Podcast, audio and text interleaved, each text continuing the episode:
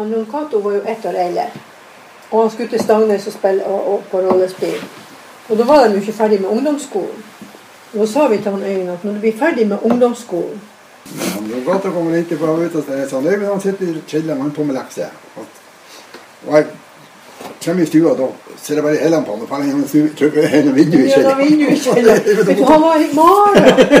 Han var ei Så bare bakbeina på med samme Han var snill gutt, men han var ei mare. Ja, han hadde aldri fred. Han ringte på telefonen, og han ringte på døra hele tida. Da hadde jo vi fasttelefon. Og den ringte med en gang hvis du hadde prøvd å legge hodet på puta. så var det altså. Med en gang ringte han Jon Cato. Han var i mara. Han må kjøre rabiat. Han var ikke rabiat, han var ikke han var ikke ja, han var hyperaktiv på, si, på, si, på sin måte. Men jeg tror Jeg kjente jo Jeg skolte jo i lag med faren. Så jeg tror at han Jan Cato han måtte gå ut når mora og faren skulle sove middagskveld. Og da kom han inn! Men så skulle jo vi ha sove middagskveld. Det var jo det som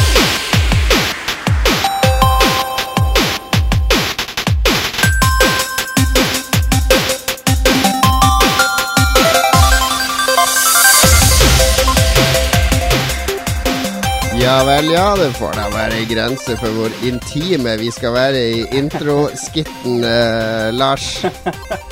Nei, men det, det som er greia, at jeg og vår gjest var på besøk. Vi var på datasupportoppdrag her i Harstad for eh, noen måneder siden. Og så begynte plutselig samtalen å dreie seg inn på deg. Og så eh, ja, ja, måtte jeg jo skru på opptakeren, for det der var jo rent gull. Det var mye lengre. Det var en veldig lang diskusjon om eh, deg, hvor mye du var og skulle dra deres sønn ut i synden. eh. Men eh, ja, vi må jo Og det var Ja, vi skal kanskje ikke nevne navn. Men det var noen vi kjenner godt som Det var altså foreldrene til noen jeg kjente Noen jeg fortsatt kjenner. Eh, Men eh, nei, jeg gjorde det stemmer at jeg var ofte og hentet han, for jeg hadde bil, og han var yngre, så han hadde ikke lappen. Og det, alt som skjedde i Harstad da, skjedde jo på Stangnes. Så vi kjørte jo ut dit for å spille Dungeons and Dragons og spille Amiga-spill og uh, se film og sånne ting, så jeg var jo innom og henta han ganske ofte. Uh, som han kanskje ville sagt, jeg var inne og befridde han fra foreldrene hans. Nei, To, det- to sider til enhver sak. Ja, nei, det som var morsomt, det var at du ikke visste at vi hadde det her greia. Så det en liten uh, surprise eh, intro i dag. Jon snur Ja, seg. eh, er det spøkelser i studio? Du får introdusere vår gjest, Lars, så må jeg løpe ut i et uh, par minutter i denne helproffe dagsendinga vår. Kjør på. Så får dere holde Ja. samtalen i gang. Um, I dag så har vi en helt spesiell gjest. Vi har reklamert med uh, profilert toppolitiker, og det stemmer jo uh, til en viss grad. Uh, gjør det ikke det, Øystein Jacobsen, leder av Piratpartiet i Norge? Ja, profilert og toppolitiker, er- Der har du beskrivelsen av meg.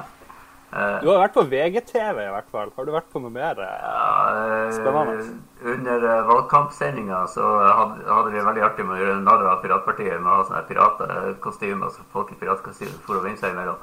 Eh, I seg sjøl syns jeg det var ganske drygt å latterliggjøre et eh, politisk parti eh, i seriøs valgkampsending. Spesielt når de aldri lot oss få komme til orde. Hvor var det her på VGTV, det? var? Nei, det var på NRK. Det var på NRK. Ja, akkurat. Ja vel. Nei, men eh, du kjenner jo Jon Cato, og du kjenner meg, og eh, du er fra Harstad. Og, men folk vet kanskje ikke så mye mer, hvis de kjenner deg, at du er leder av Piratpartiet. Hva du styrer på med ellers? Tja, jeg jobber i IT-bransjen, og for så vidt at jeg er blitt med i Piratpartiet, burde vel egentlig ikke overraske noen. Hvordan da? nei, eh, på eh, alt fra eh, jeg var tiåring og oppover og hadde Commodore 64 og satt og lagde programmer via sånne bøker du kjøpte. Mm. Og uh, hacka telenettet og kødda med skoleserverne. Og det var ikke Ja, det, tidlig krøkes. Ja, ja. Ja vel. Um, vi må jo snakke mer. Vi skal ha, vi skal ha eh, piratvirksomhet som eh, tema. Men du kan jo eh, kjapt opplyse allmuen, og vi gidder ikke å høre på ti minutter med propaganda, men du kan jo si kjapt hva er det egentlig der Piratpartiet står for, de som ikke vet det. Altså, Piratpartiet ble etablert som en konsekvens av jakta på pirater. Hvor i eh, Sverige så eh, tok de til ganske harde tak for å gå etter eh, folk som kopierte. Og folk som kopierer, de er overalt. Det, alle kopierer uten at de er klar over det eller ikke. Og når de bryter med rettssikkerhet og Sveriges suverenitet og konseptet personvern og demokrati og begynner å sammenblande næringsinteresser og politikk og domsvesen osv., så, videre, så får det en reaksjon. Og eh, vi eh, handler primært om å gjenopprette grunnleggende rettigheter som er blitt, dessverre blitt mista nå med overgangen til informasjonssamfunnet. Før så har vi hatt ytringsfrihet som en av våre øverste kjerneverdier. Og, men på nettet så teller det liksom ikke lenger. Med retten til å ha en privat sfære og kunne si eh, noe uten at andre begynner å blande seg inn i det. Og, men nå er det blitt eh, Faktisk de senere årene så har det gått til det punktet at folk går ut ifra at alt de sier og gjør, blir tatt opp og lagra for evigheten. Ja, ja. Brukes. Vi regner jo med at uh, alt vi gjør, er registrert et eller annet sted. Men du sier rettighetene til folk er, er innskrenka. Hva med retten til folk at de ikke skal få piratkopiert tingene sine? Er ikke det en grei rettighet? Uh, nei, det er ikke det. Altså, for det er, en, det er en rettighet, altså en grunnleggende rett for meg eh, å f.eks. kunne si noe. eh, og kunne skape noe sjøl. Og det er ikke en rett for deg å kunne hindre meg i å gjøre det. Ok, ok. Eh, I hvert fall ikke en grunnleggende rettighet. Et økonomisk midlertidig monopol som varte i 14 år det først ble etablert på 1700-tallet. Hva ble etablert? eh, Statute of Anne. eh, det som nå er opphavsretten. Nei, ok. Og den har, dette økonomiske monopolet har, som egentlig er en subsidie, det statlige subsidiet av uh, åndsverksproduksjon. For at man tror at de ikke klarer å stå på egne bein. Og det er en hypotese som aldri blir testa. Og de har aldri fått eh, eh, altså vurdert om dette er beste måten å finansiere eh, kultur på. Men eh, Eh, Eller om de skadevirkningene som er eh, ved å drive med altså den sensuren og overvåkninga som er en naturlig konsekvens av dette systemet, om det er verdt det. vi skal ikke gå eh, gjennom hele programmet og argumentasjonen til Piratpartiet, men Jon Cato, du har jo skrevet en bok. Hva hadde du syntes hvis ingen kjøpte boka di, men bare sendte den ut som PDF-er? Nei, De kan gjøre hva de vil med den boka nå, for jeg fikk royalty på den i ett år, så nå tjener jeg ikke en dritt på den boka lenger. Så kopier så mye du vil for min del. Det, jeg tror hele opplaget er solgt, så det er ikke mulig å få tak i flere. Så det er bare å kopiere. Ok, Hvis du fremdeles fikk royalties av salget, og den solgte bra, eller kanskje ikke solgte bra, men bare ble piratkopiert, og du tjente ingenting Nei, det er en litt abstrakt uh, problemstilling. Jeg klarer ikke helt å sette meg inn i det. Hvis jeg skulle levd av den boka, så hadde jeg jo selvfølgelig uh, prøvd å beskytte den, men eh, Altså Det verste for en forfatter er jo ikke at folk kopierer og er interessert i boka. Det verste for en forfatter er jo at han ikke blir lest. Så eh, Ja. blir du omsatt og blir lest, så er det alltid masse måter å tjene penger på det, inkludert salg. Altså Du har jo biblioteker i Norge i dag. Og det var nøyaktig samme argumentasjon når de skulle etablere offentlige biblioteker, at da er det jo ingen som blir å lage bøker lenger. Det har vist seg å være feil. Det er masse forretningsmodeller rundt bøker. Det er masse måter å distribuere og tjene penger på rundt bøker. Og det er liksom den og den løgnen til film- og musikkbransjen. Hvis noen eh, laster ned, hvem skal gidde å lage? Vel, det viser seg at folk laster ned, og allikevel blir det lagd. Det blir lagd mer nå enn noensinne. Fantastic. Vi skal Nok komme tilbake til pirat. Jeg er mer interessert i litt sånn der eh, innsideinformasjon i Piratpartiet. Altså Heter det formann eller heter det kaptein når du er leder for Piratpartiet? Eh, Jeg blir omtalt som admiral. Admiral, ja.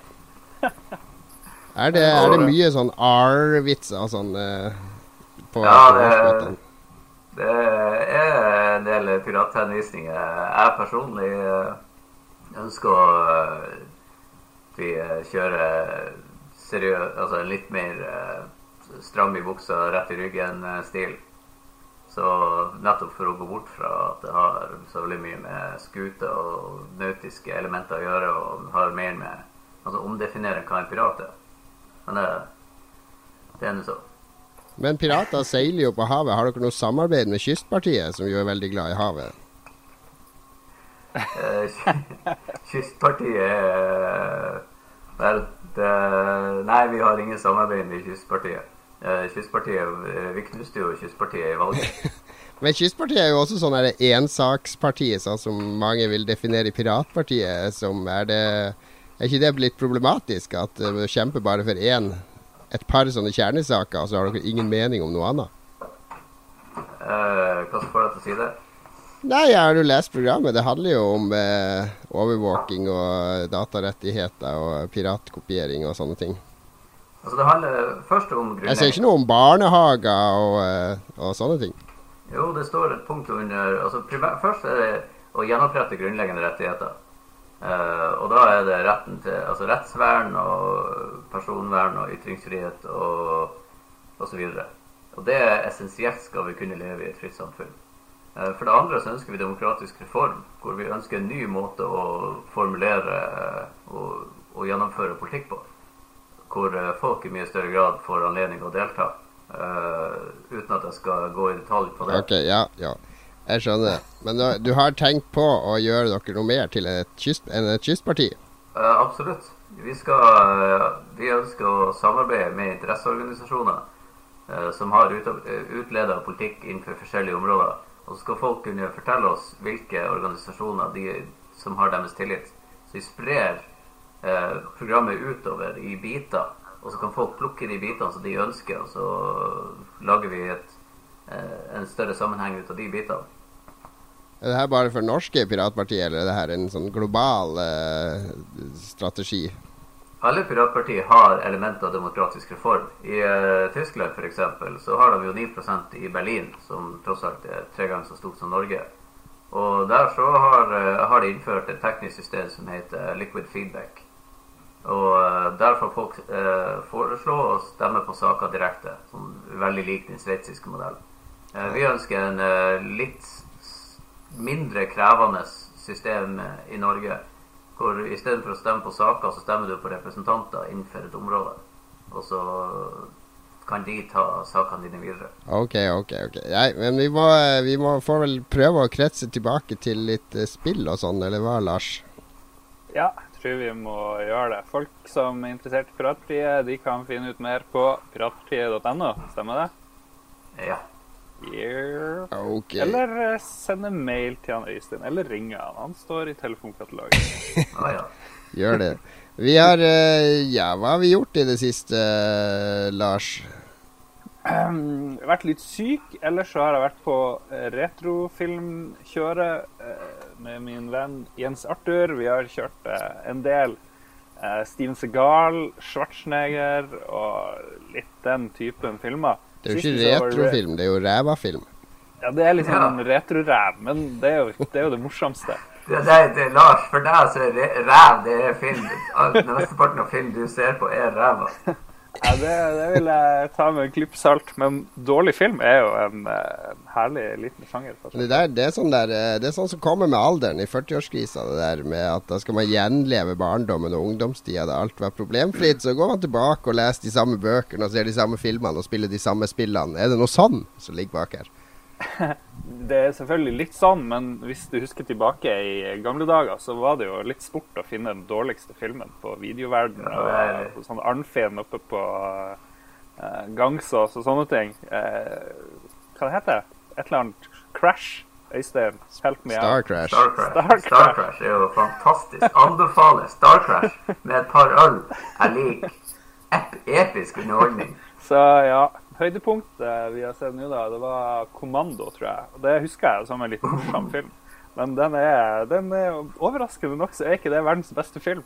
Men den er så ufattelig morsom. Jeg holdt på å dø av latter da vi så den. Uh, altså, filmer som du vil kalle for klisjé altså, 'Kommando' er ikke klisjé for at den, den var urklisjé. ja, den starter opp. Den minner meg veldig om uh, Det er jo der de har henta mye av hotshots, når han står og skyter 1000 skurker på en gang. Når counteren går opp. Det er tatt direkte fra kommando. Det er så usannsynlig at det er bare herlig. Men, men det Så, du har sittet ja. og sett nå, er jo fundamentet for de her eh, Expendables-filmene. Hele årsaken til deres eksistens er jo å lage noe som får folk på din alder til å huske tilbake til de gode, gamle eh, 80- og tidlig 90-tallsfilmene der volden var glad og konsekvensene ikke eksisterte. Liker du Expendables-filmene, da? Absolutt ikke. Jeg syns det er noe ufattelig drit. Eh, Sammen med den siste Rambo-filmen syns jeg var helt uh, ridiculous. Det er, det er et eller annet De skal klippe så fort, ikke sant. Hvis de skal gjøre det ordentlig old school, så må det være liksom mer ræva kameraføring, ikke den her MTV-shaken og ja, litt lengre scener. Så eh, hvis jeg skulle lage Expendables, så ville jeg gjort det ordentlig, og ikke eh, prøvd å knø den gamle formelen inn i en ny form, på et vis. For det syns ikke jeg funker. Men eh, hvis vi skal hoppe kjapt over til noe ikke helt eh, det, det er relevant, fordi de, de lager jo ny eh, Star Wars-film nå. Jeg vet ikke om du så det der eh, bildet fra settet der de faktisk hadde sånn dukke, altså sånn derre eh, figur, ikke CGI. Ja, Det lover jo veldig bra, men her er det jo bare jordet til Øystein som slår de fleste i Star Wars-quiz. Ja, for det har jeg hørt rykter om, Øystein, at du kunne hele dialogen i Star Wars utenat. Ja, eh, med litt prompting så skulle jeg kunne gjenfortelle eh, fire, fire, fem og seks. Fire, fem og seks, ja.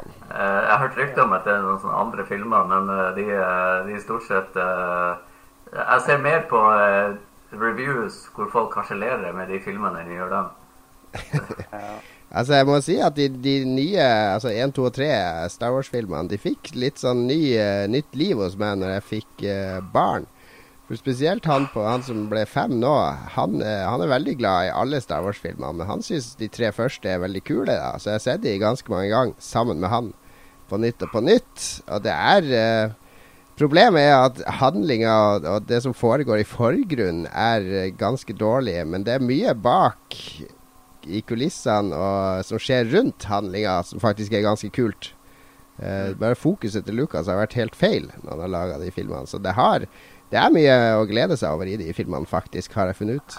Jeg tror det her er litt sånn Stockholm-syndromet. Du blir banka og tatt gissel, og så har du ikke noe valg annet enn å like det. Nei, da, jeg sovner i, en, i enhver Pixar-film og animert film. Det sovner jeg. Jeg var nylig på kino og så den Lego-filmen, og der sov jeg 20 minutter i, det, i midten. Så, så, men i Star Wars, der holder jeg meg våken. Legofilmen var fantastisk. De lager en hel film med Lego-brikker. Det var dritbra. Ja, det var kjempebra lag, lagd, men jeg hater plott i de animasjonsfilmene. Fordi det alltid kommer det en sånn sekvens der de skal tvile på seg sjøl eller bli uvenner, og så skal de skvære opp og gjøre, alt bra på slutten. Jeg, det, er så forutsigbart at jeg sovner med en gang det nærmer seg det punktet der. Ja, det er ufattelig provoserende, eh, hele det opplegget. Men Øystein, hva du tror om de nye filmene, da? Eh, jeg hadde jo eh, enormt håp når jeg trodde at de skulle basere de nye filmene på eh, den bokserien som heter Air to the Empire. Det var den som starta bokeksplosjonen rundt Star Wars. For at den er så sinnssykt bra. Og de hadde bad guys, og de spekulerte i at bad guys sånn. Men nå skal de Nå er det Jeg tror det er opplest og vedtatt at de skal droppe Expanded Universe. Altså de skal liksom scrappe alt som er gjort fra før, og så skal de begynne helt på nytt. Det virker som at Hollywood de, elsker sånne resets. La oss eh, begynne på nytt med Spiderman, og så begynner vi på nytt en gang til. Og så begynner vi på nytt med Superman, og så begynner vi på nytt en gang til. Det, Jo, alle elsker det. det jo Marvel har jo gjort det 20 ganger med tegneseriene sine. Det, men det handler jo om at du skal snakke til en ny generasjon. De lager jo ikke de nye Star Wars-filmene for deg og meg, de lager det jo for de som er eh, tenåringer og i starten av 20-åra nå, som kanskje ikke har det forholdet til Star Wars som vi har. Nei, men øh, det er masse eksempler på det her. F.eks. Dungeons and Dragons-filmen. Hvor de har et enormt univers og har masse sinnssykt bra gjennomtenkte stories å, å, bas å basere seg på. Og så dropper de å lage noe sånn generic møl. Eh, om de klarer å lage noe bra ut av det her, det gjenstår å se. Jeg tviler på Jeg tror de har eh, De kommer til å sky mange av de fallgruvene eh, som eh, 1, 2 og 3 har vært i. Med utstrakt bruk av CG og shot reverse shot og bæreprating og eh, Ja, jeg tror de kommer til å gjøre det mye bedre, dessverre, for at jeg hater Disney. Jeg er veldig ambivalent til Star Wars. For jeg elsker jo Star Wars, men jeg hater Disney og overalt på jord. Og da blir det sånn eh, ah, ja, ah, forhold til det. Men det er jo han der Lawrence Kasdan som driver og skriver historien. og så er, Han har jo vært, gjort det bra før i Star Wars-universet. Og så er det han JJ Abrams. Vi så jo den der eh, Super 8, eller hva farsken den heter. eh, Som han, Ja, det er det med de kidsa som skal lage film, og så sporer det toget av. Ja, jeg likte feelingen i den veldig godt. Ja, det var var litt en sånn gammel Spielberg-feeling. Ja, så jeg har viss tru på det der. Abrams var jo også Star Trek. Den første Star Trek-nye filmen der var jo kjempekul. Mm, jo da. Nei, så bortsett fra den lensflaren. Jeg fikk vondt i hodet av den lensflaren. Jeg håper ikke det blir det hele tida i Star Wars. Ja. Og, men du hater Disney, Øystein. Men hadde det vært bedre hvis Lucas skulle lage Nei, selvfølgelig ikke. 7, 8, Altså, 9? Hva er Lucas er han Hitler, og så er Disney Stalin? Er det er det, det må man velge mellom de? Altså, Lucas kan godt beholde uh, beholde imperiumet, og så uh, og så får han andre til å lage filmer. Altså, Han er veldig god på merchandising og, og ha deals, sånn som det han gjorde med 20th Century Fox, den første Star Wars-filmen. Mhm. Det var alltid merchandising-rettigheter. Det ble jo eh, lagt inn som en liten fotnote på slutten. Og PS kan jeg få alt som har med lunsjbokser å gjøre. Og de sa OK. Og etterpå så er det det de har tjent penger på, ikke på filmene. Ja, ja, ja. Og jeg regner på det er noen der som eh, har grått seg til tidlig grad. Eh, Så det er han Lucas god på, men det å lage film, eh, i hvert fall når han får full kontroll, det er han ikke. Men Disney har jo reviva hele Marvel-greia sånn filmmessig. Det er ikke Jeg føler det er i ganske gode hender når det er hos Disney, er det ikke det? Det kan godt hende at de lager bra filmer, men jeg hater Disney av uh, etiske årsaker. Det, uh, de er Satan sjøl når det gjelder uh, lobby. De underminerer det jeg føler er demokratiet med klappjakta si. Det er jo de som har fått endra lovene fra å være opphavsretten til å være noenlunde moderert, til å ha nå ei vernetid som er livstid pluss 70 år, som er, har ingen Og dette husk på at Mickey Mouse med hovedfiguren var en rå kopi av eh, Steamboat Bill, som var laga to år før. Og så har de kopiert alt av eh, folklore. OK, OK. ok Men du, altså når, når ungen din eh, Er det en sønn du har, Øystein? Jeg har to gutter, ja. To gutter. Når de blir eldre, vil du da heller finne aktuell rapport under madrassen enn Donald Duck? Altså, Det er jo et stort problem for meg. Det er jo, Han er jo omringa av uh, biler og, og Spiderman og Captain America. Og, uh, og jeg er jo fullt klar over at når jeg kjøper det nye Lego Star Wars-spillet, så, så er det penger i kassa på Disney. Og det er jo et eksempel på at uh, selv om du, de klager på kopiering, og jeg prøver å unngå å gi dem penger, og jeg klarer det ikke. Nei. Kraften er for sterk i Disney, vet du. Men apropos Marvel, og først kan jeg si hva jeg har gjort i det siste. For jeg har uh, fått tak i et utrolig vanskelig å få tak i nytt uh, terningspill som heter Marvel Dice Masters. Uh, det er Hvis du tenker deg Magic the Gathering med terninger i stedet for kort, så er det kort fortalt sånn. Du har liksom Hver helt eh, har hver, sitt, hver sine terninger. Hulken har eh, grønne terninger med forskjellige ting på hver side. Captain America har sin egen. Iron Man har sin egen osv. Så, videre.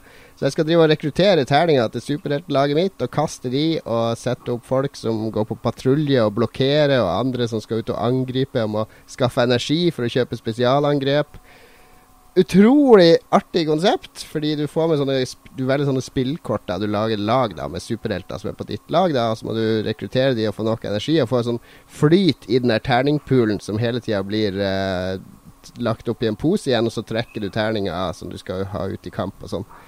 Eh, men eh, det, er, det er et helt genialt spillkonsept de har laga, som, som liksom tar det kortspillene og gjør det om til terningspill med masse, masse strategi. Og så har de selvfølgelig laga det med sånne booster packs som du får nye heltekort i, og helteterninger og alt mulig annet i.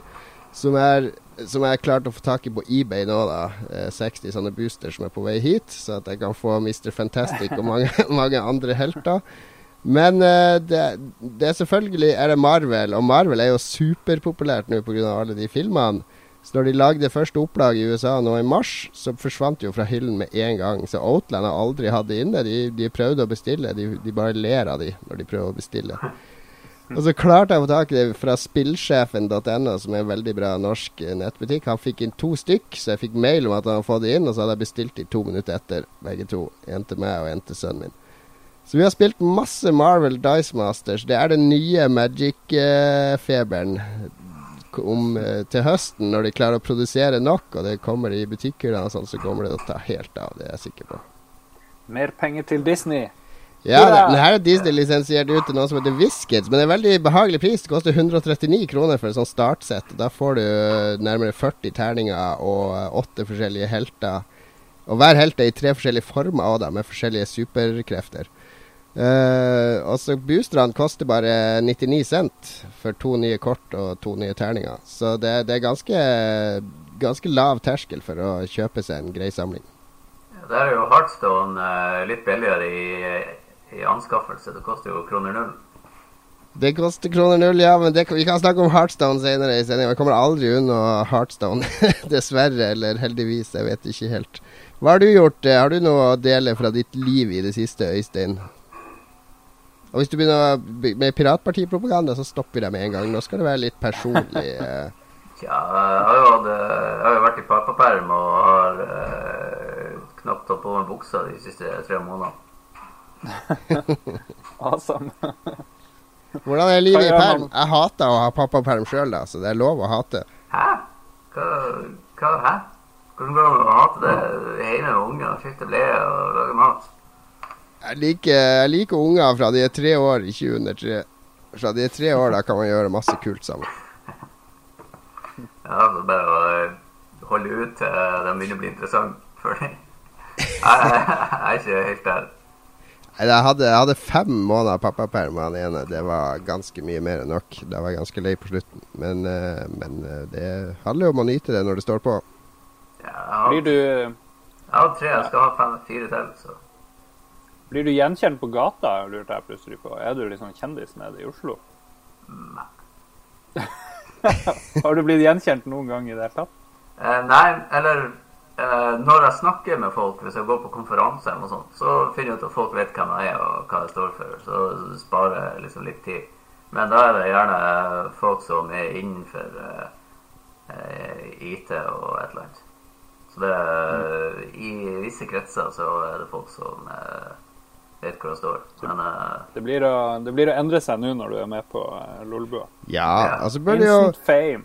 At du som vil ha sånn straight stil, Øystein, der, der burde du ha kjøre den der sabeltannhatten sånn konsekvent når du er ute, og kanskje lapp på øyet og sånn. Så blir du mye lettere gjenkjent. ja, det hørtes straight ut. Det er akkurat sånn sånne gamle rockestjerner som hadde langt hår når de var store på 70-tallet. Og De nekter å klippe seg, selv om det er så vidt er hår igjen, så skal de ha de lange tjafsene nå når de er 65-70 år gamle. For de er så redd for å ikke bli gjenkjent.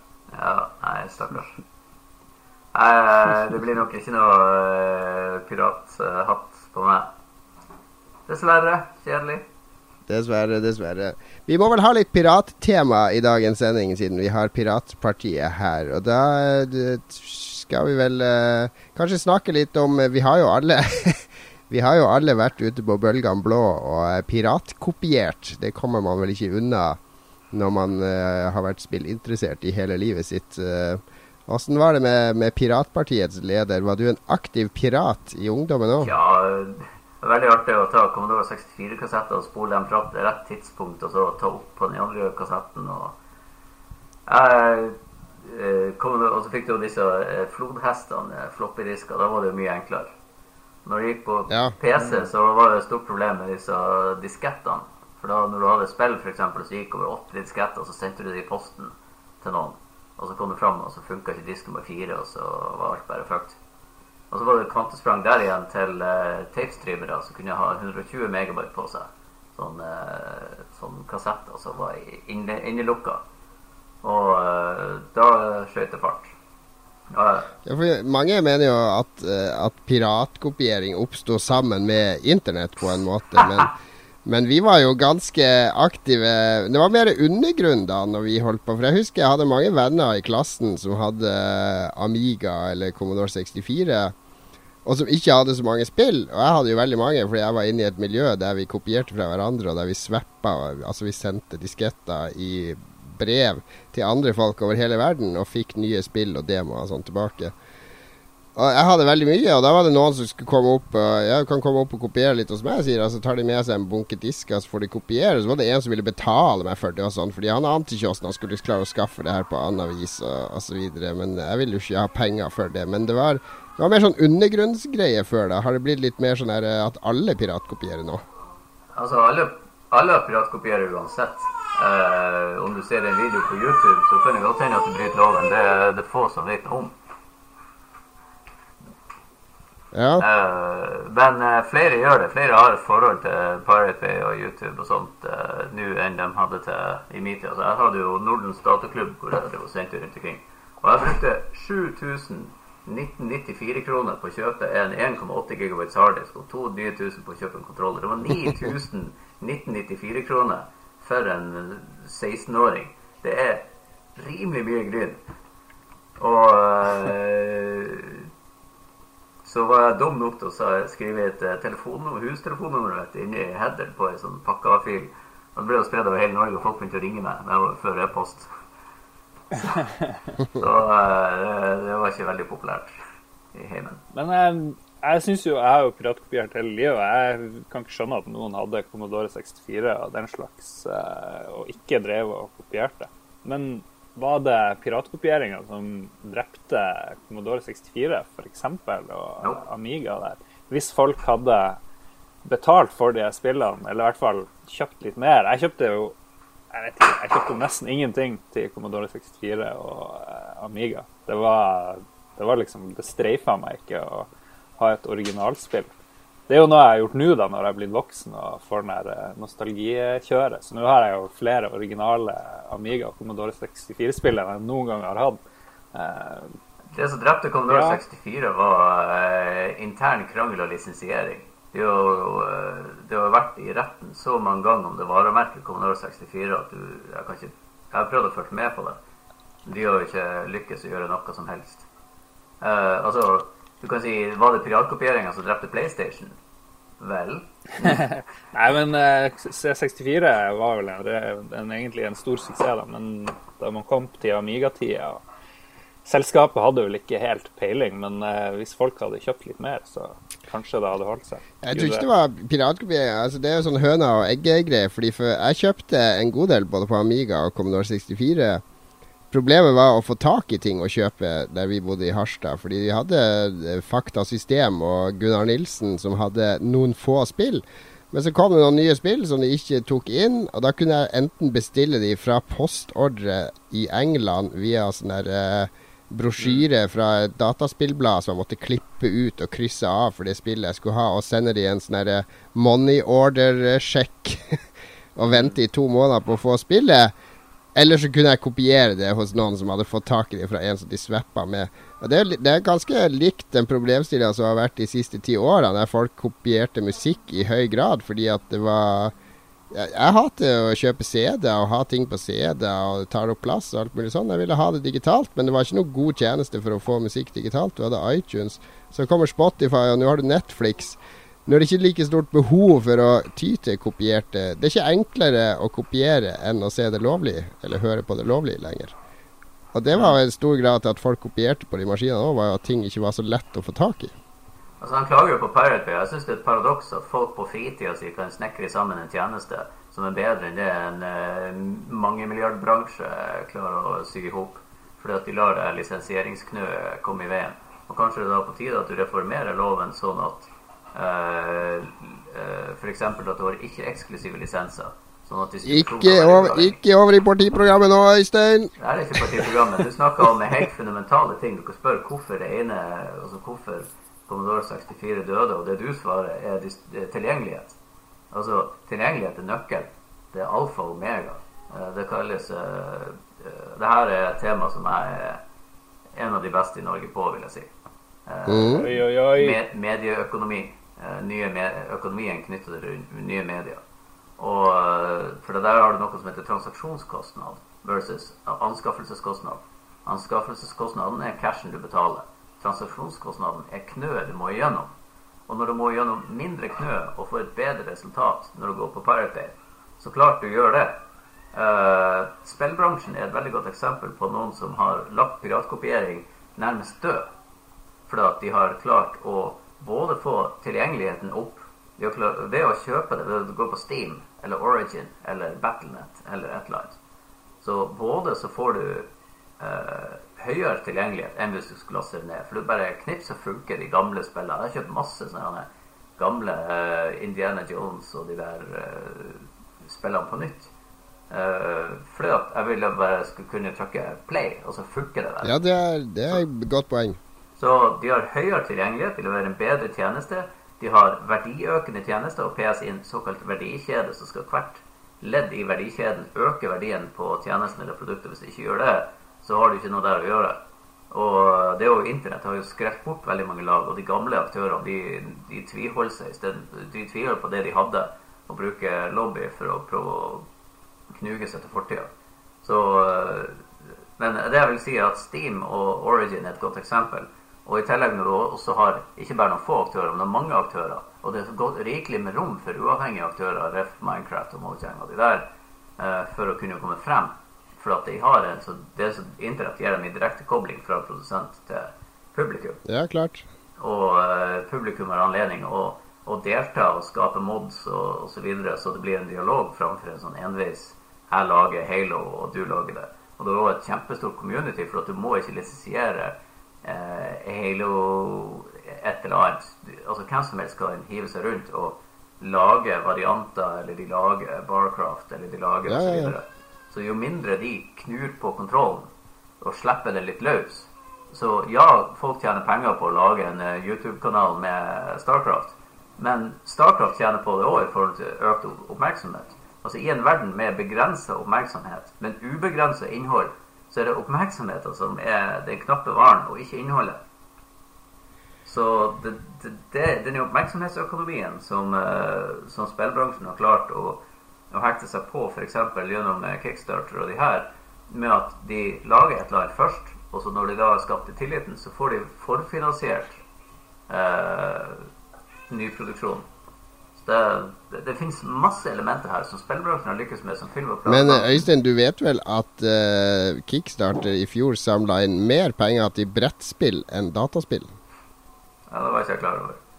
Nei, det er faktisk sant, fordi brettspillene er noe fysisk som du får i posten seks måneder etter du har finansiert dem, mens dataspillene er noe eh, digitalt og vagt som folk begynner å vegre seg mot å spytte penger inn i noe som bare er en digital vare. Ja, si det til hva det heter, Star Citizen, som fikk uh, De skulle ha 500 000 på uh, De fikk mye penger, ja, men det er nå en sånn fatigue mot uh, Altså, dataspillprosjekter på Kickstarter sliter veldig nå. Det har blitt en sånn fatigue med at spillene ikke leverer det de lover. Men det er en annen diskusjon. Jeg vil jo heise flagget veldig høyt for pirater også når det gjelder å ivareta spillkulturarven. For den har jo ikke spilldistributørene eller utgiverne eller rettighetshaverne vært interessert i å ta vare på i det hele tatt. Eh, takket være piratene som har laga ting som Mame og emulatorer, og da samla sånn komplette arkiver med roms av alle spill og alle varianter av alle spill. Til disse emulatorene så har vi jo muligheten til å, å gjenspille eh, historiske spill, spill som, som eh, utgiverne ikke lenger er interessert i å preservere eller ta vare på for oss. Uh, og det, det, er takket være pirater at vi har så god oversikt over alt som har kommet av spill, og, og, og forstår spillhistorien. Altså Her har du også å nevne open source, fri programvare, inni det her. Det er noe som brukes veldig mye i IT, men veldig lite i spill. Men i de tilfellene hvor du gjør open source av spillkode, som de, altså, hvor leverandøren ikke har liksom, De har ikke tenkt å gi det ut på nytt igjen, eller de har ikke giddet ikke, osv. Så, videre. så bare open source det. Det skjedde med Star Control, og det skjedde med Wing Commander Privateer. Og resultatet er at de har laga remakes i HD og med nye voiceovers. Og, og jeg har spilt gjennom begge på nytt igjen, og det er dritbra. Så øh, hvis det er noen spillut norske spillutviklere her, hvis dere sitter på noe eh, gamle spill og noe kode der. Ikke la det råtne på rot. Bare legg det ut, og så ser du hva som skjer. En god oppfordring fra Piratpartiet. Vi, eh, skal vi snakke mer om piratvirksomhet, eller skal vi ta en kjapp pause?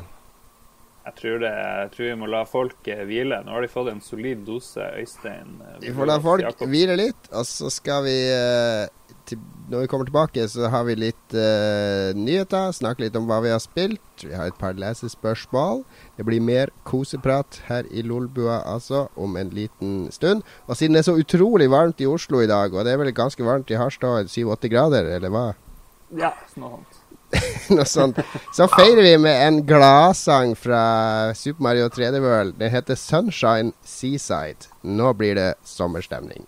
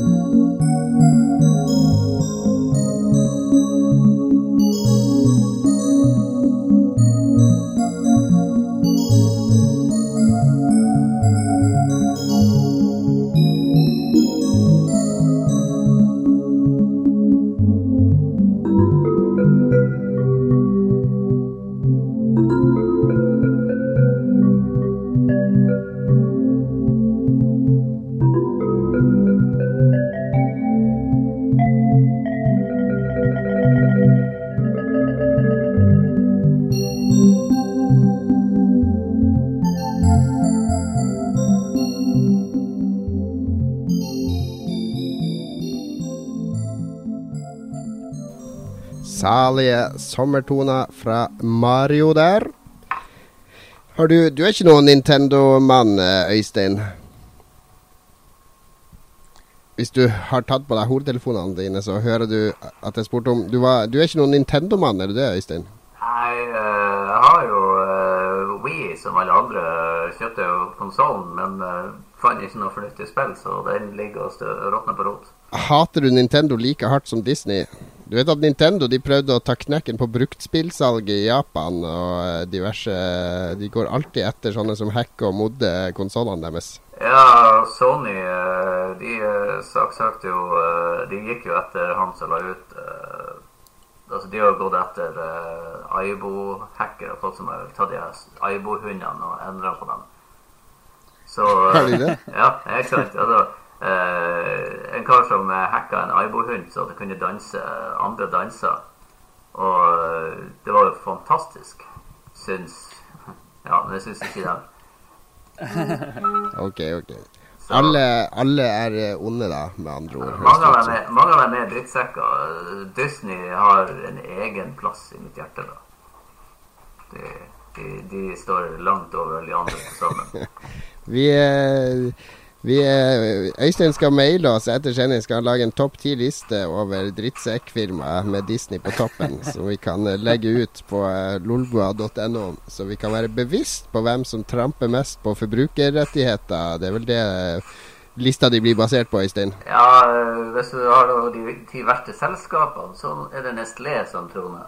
Eh, Jeg driver også et initiativ for å legge til rette for etisk handel. Og du skal kunne ta mobilen og blippe varer. Lag liste til oss, Øystein, så skal vi legge den ut. Vi har, eh, vi har et par kjappe nyheter, og Lars, du er klar for å vikariere for Magnus, som er eh, Det har vi glemt å si, men Magnus er og leser på eksamen i dag. Så det er derfor vi må ha sending uten han. Stakkars Magnus. Vi glemte han. Ja. Magnus er skolelys. Sånn er det. Det kommer noen kjappe nyheter, lest opp av Lars i dag.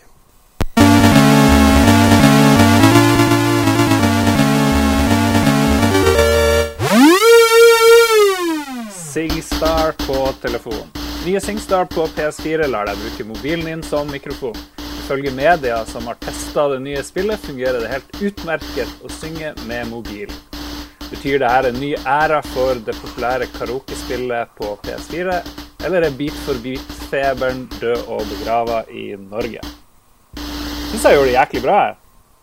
Det var ikke så verst. Var rimelig fornøyd. Ja, klarte å lese rett. Det gjør jo aldri Magnus. Jo da, jeg gjør det. No, Men, eh, hva er jeg, jeg har mange gode SingStar-minner, men jeg må innrømme at jeg har ikke spilt det siden PS2-versjonen. PS3-versjonen rørte jeg så å si aldri. Ja, ja, det er noe med at SingStar og Guitar Hero og den her eh, peripheral musikksjangeren har uh, forsvunnet litt, men det er jo ikke noen god grunn. Hvorfor? Jeg skjønner ikke helt. Hvis de har kjempegode sånn eh, Hvis du kan streame det live og sånt, kanskje det blir en greie. Du vil jo kunne gjøre det på eh, med Twitch og Ustream sikkert på PS4, for det og kan du jo gjøre med alle spill. Så kanskje det blir kjempepopulært. Who knows? Den nye Justin Bieber kommer fra SingStar på PS4. Skal ikke utelukke det. Det handler jo også om enkelhet og tilgjengelighet. Fordi SingStar på PS2 der hadde du jo 30 sanger på hver plate, så når man hadde fest, så satt det og bytta plate hele tida for å finne de sangene man ville ha og sånn. Det ordna de jo til en viss grad PS3, men f- virka ikke som spillet tok så av på PS3 som det gjorde på PS2. Men nå har de tatt bort mikrofonen, da, så da har du fjerna enda en sånn terskel. Nå er det bare at alle har hver sin, uh, hver sin telefon, så er det bare å synge. Ja, det, den her telefonen skal jo presses inn i alle deler av livet, tydeligvis. Jeg vet ikke. Jeg prøver å holde rundt mobilen. Det kjennes ikke sånn awesome ut. Det er jo kulere å holde en mikrofon i hånda, er det ikke det? Ja, det, det, det. føles mye bedre å holde en mikrofon, det er jeg enig i. Kanskje du kan få en sånn plastdings hvor du putter telefonen din oppi nakka. Så blir det verdens største mikrofon. Nei, jeg, jeg tror uh, Ja, jeg tr- vet ikke om uh, Jeg tror kanskje Singstar-feberen ikke kommer tilbake til det den en gang var. I Nei. Norge, vet, Du vet at i Norge sto for 7% av alt salg av Singstar-spill på verdensbasis. OK. Norge var Singstar-land nummer én. Ja, ja, ja. Eh, det kommer jo kanskje inn under en annen nyhet òg, om at Google, eh, eller YouTube, har kjøpt Twitch. Ja, det har vi fått lest spørsmål om, så det kan vi diskutere der. Men nå trenger jeg litt hjelp fra Øystein her, for nå får jeg sånn pop-up fordi vi spilte musikk fra Mario, så nå prøver Nintendo å stenge vår, vår Lolbua Google Hangout fordi vi spiller musikk vi ikke har rettigheter til å spille. Hva sier du til det, Øystein? Eh, jeg kan gi deg en lang variant, men eh, den korte varianten er absurd. Og du, du har en lov som sier noe om fair use, at du burde få lov å bruke små ting til eget bruk. Eh, Men her er det eksempel på hvor kode, programvare, sidestepper loven og blir lov i seg sjøl. Jeg har masse eksempler på ganske scary tilfeller på, på det her. Så eh, jeg mener at uh, f.eks. de gangene hvor de bruker teknologi for å lage en ny form for lov, så burde de straffes de gangene de tar feil. Vi i Piratpartiet vi hadde landsmøte, og så ble det streama på YouTube. Og så ble det stoppa i Tyskland. Folk skulle se på det i Tyskland. For at Brein Vi hadde ingen musikk. Det var ikke engang noe som var taktfast. Men det var bare for at jeg hadde ordet pirat i navnet på sendinga. Eh, så ble det stoppa av eh, musikkbransjen. Det, at, de da, at, at det ikke da er sensur, det skal godt gjøres å forklare det. Ja, nei, det er irriterende. Det har skjedd eh, før jeg, hvis jeg spiller låter fra nyere spill som er eh, ikke er sånn chip, eh, blipp-blopp, eh, gratis på bandcamp-type musikk. Da kommer det ofte en eh, notification om at hvis Google vurderer å stenge denne hangouten hvis, hvis vi ikke slutter å sende copyrighta materiale live. Altså, det her er jo litt interessant. Her er det en privat samtale vi tre har.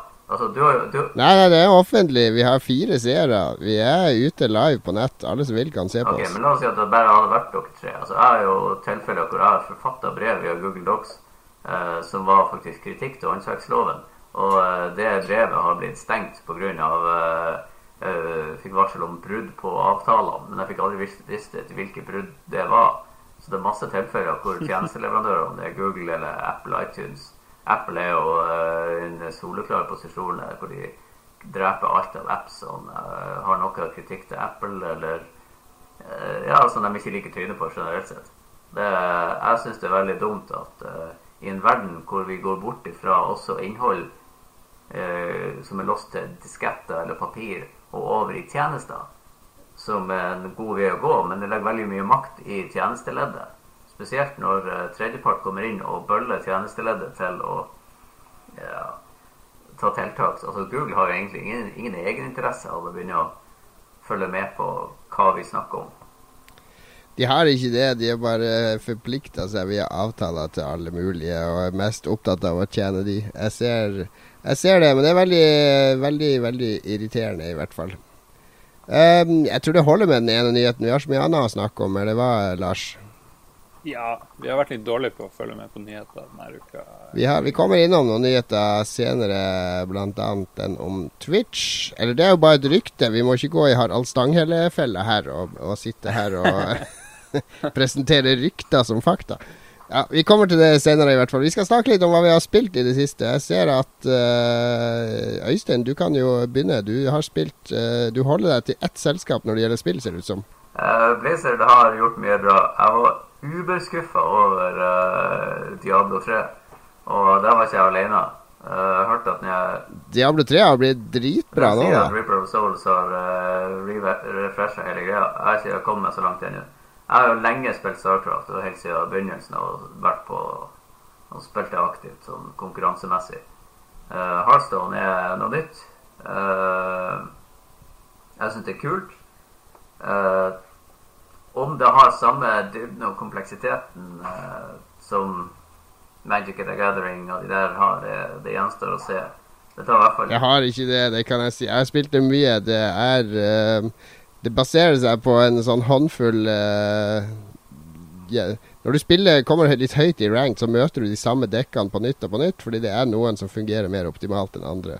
Det er ikke så mye det er ikke så mye synergi mellom kort, sånn at du kan faktisk eh, ha en sånn steinsaks-papir-balanse. Hvor høyt har du kommet, Jon? Hva Jeg har vært vært på 13 på det meste. Jeg har kommet til Ja, 14. jeg er bare på 18 for tida, men jeg har ikke mye. Hvor høyt har du vært, Øystein? Jeg var på 14, men eh, jeg, var, jeg fikk 17 wins i arena. Det var jeg fornøyd med. Ja. An- Andre forsøk med Jeg trodde du bare gikk til 12, men ja, OK. Nei, du får eh, Jeg kan vise screenshot. Det er- du har 17 og Nei, nei, nei, jeg tror Vi trenger ikke å se bevis. Men det er et kult spill, da. Men det er Jeg føler nå at jeg har møtt litt uh, Jeg har gått litt lei. Jeg, jeg, det, det er det samme som går igjen hele tida nå, føler jeg. Hvis jeg møter en hunter på rank 14, så vet jeg Da er det bare én type dekk jeg møter hos han. Og sammen med Rogan og de andre. Det er det, ikke, det blir ikke så gøy. Og så er det, når du kommer litt opp i rank òg, så er det alt å si er den der starthanda di. Hvis du får en dårlig start, så er du liksom herpa uansett for det. Ja, det, det kan godt hende at de eh, ved å legge på kort kan eh, utvikle det. Og jeg liker eh, altså bort, Bortsett fra kompleksiteten, syns jeg formatet passer veldig bra. Det, det er lett tilgjengelig, det funker på iPads. Det, Sånn lavterskels. Det er briljant format på det spillet. Det er, det er genialt.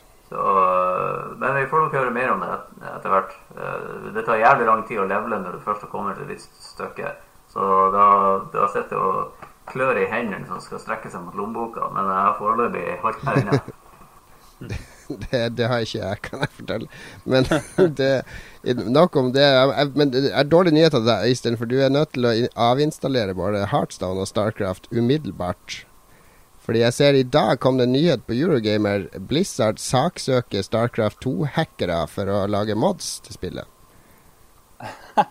Blizzard har nemlig saksøkt en, et kollektiv med hackere som har laga hjemmelaga mods og solgt de til Starcraft 2. Men det her er litt sånn slemme mods da som gir deg unfair advantage i spill og sånn, og de selger de for 60 dollar for en mod, liksom. Eh, så det er jo snyltere og parasitter, men eh, de Nå er du i et Nå ser jeg du er i et dilemma her. Nå er du på Debatt 21 på NRK, Øystein, og blir konfrontert med at favorittspillutgiveren din har en sånn praksis. Altså, på hva, altså, her er det faktisk litt sånn hva loven eh, gir rom for, hva loven burde gi rom for, og hva intensjonen til Blizzard var. Altså, til å begynne med, de første Starcraft-modene var jo fantastiske. Det var der eh, Dota kom fra og, og, og sånt. Eh, hvor eh, Og Counter-Strike eh, var jo en avart av Half-Life og det der. Så mods har jo vært le, le, livsblod til mange. Og når eh, Starcraft 2 kom, så knytter det for evig opp mot Battlenet. Hvilket gjorde at du ikke kunne lage lokale installasjoner og kjøre lokale endringer. Hvilket er dumt. Men så er det det at eh, de har klart å få, få det til å snurre veldig bra, på samme måte som at Steam har, har en veldig streng DRM, men de har gjort det på en hyggelig måte som ikke affiserer spillopplevelsen. Så hvis intensjonen deres til det her er at de skal sørge for at gameplayet er fair, så ser ikke jeg det store problemet. Hvis, hvis det er bare at de vil ha kontroll bare for å ha kontroll, så er det noe annet. Nei, argumentet deres er at de modene her, de, eh, de gir eh, de som bruker de en advantage, så gjør de spillet mindre moro for de spiller mot, fordi det er uh, modder som manipulerer ting og tang i systemet. Som eh, saboterer spilleopplevelsen på en måte, og det fører til mindre salg av Starcraft 2. Og ergo er det et økonomisk tap som er bunnlinja i, eh, i claimen deres. Jeg må sette meg inn i litt mer i det. Men altså eksempel i uh, World of Warcraft så var jo mods uh, essensielt. At, og det var jo lagt til til rette for det, at du kunne Ja, men det her er jo en sånn drittsekkmod. Det er ikke snakk om å ta alle moddere. Det her er snakk om å ta en spesifikk gruppe som bare lager sånne Ja. modder som herper og Jeg har ingen sympati for folk som én driver og kødder for resten av verden. Jeg, vil ikke, jeg elsker Starcraft, og jeg vil ikke at plutselig er det en kar som uh, automakro, eller hva enn de gjør, uh, og gjør livet surt for meg. Det, det er ikke noe artig. Så da, da har ikke jeg noe Til galgen med de, sier Piratpartiet. Det, er greit. Uh, Lars, hva har du spilt i det siste? Lars, du har mista stemmen Ja. din. Jeg er tilbake. Ja. Nei, jeg prøvde å si jeg spilte uh, veldig mye Heartzone. Jeg begynner kanskje å bli litt lei, men jeg er ikke på noe høyt nivå. Men det er jo gøyest å spille mot folk man uh, kjenner. Så jeg, må jo, jeg har jo ikke lagt til dere to, så det må jeg jo gjøre. Uh, Det er en ting som mangler i Hearthstone. Når du spiller et Starcraft-spill, så eh, etter du har spilt runden, så kan du ta save replay.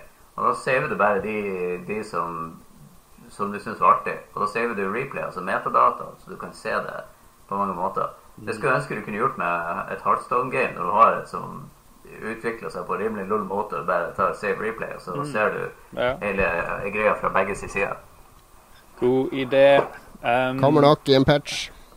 annet enn Hearthstone, så har jeg spilt et uh, sånn her Ludum Dare-spillkonkurransespill som heter Ripple Runner Deluxe. Som var, det er jo ofte at de er litt frustrerende og litt halvferdige, men det her var veldig awesome. Spesielt musikken er rimelig bra. Den finner du også på Bandcamp. Men det er sånn Endless Runner-greie. Men du har han duden din, men så har han i tillegg en, eh, en sånn Ripple eh, mirror image-greie, for du springer langs stranda. Og så hører du det, det bruse i bølger. Det er veldig avslappende, i motsetning til mange andre sånn Endless Runner-spill. Men når du får lyst til det, så kan du bare bytte at du blir skyggen din. Og så er det ulike brett. ikke sant? Så må du kanskje hoppe med den ene fyren, og så må du flippe til mirror image og lande på noe annet. Og alt skjer i takt med musikken, så det blir òg litt sånn her bit trip-stil ut av det. Så det er et av de mer eh, polerte sånne Og det er sånn flash eh, nett game browserspill, er ikke det? Ja, du bare søker på Ripple Runner Deluxe, så finner du det. Ja, det var ganske gøy. Men det konseptet er, har jeg spilt i flere IOS-spill før, der du løper mot høyre, og så har du speilbildet nederst, så må du bytte mellom de to sidene av brettet. Jo da, det er jo ikke helt uh, unikt. Men jeg syns det var så deilig stemning på det. Ja, det var fint, fint gjennomført. Bra flashspill. Men uh, du har også spilt uh, Transistor, det nye fra de som lagde Bastion. Ja, jeg var ikke verdens største fan av Bastion, men så jo at det var et eh, greit spill, og du hadde en sånn narrator som eh, ga mye til stemninga. Og det er jo en narrator her òg, som denne gangen er er sverdet ditt som snakker nå.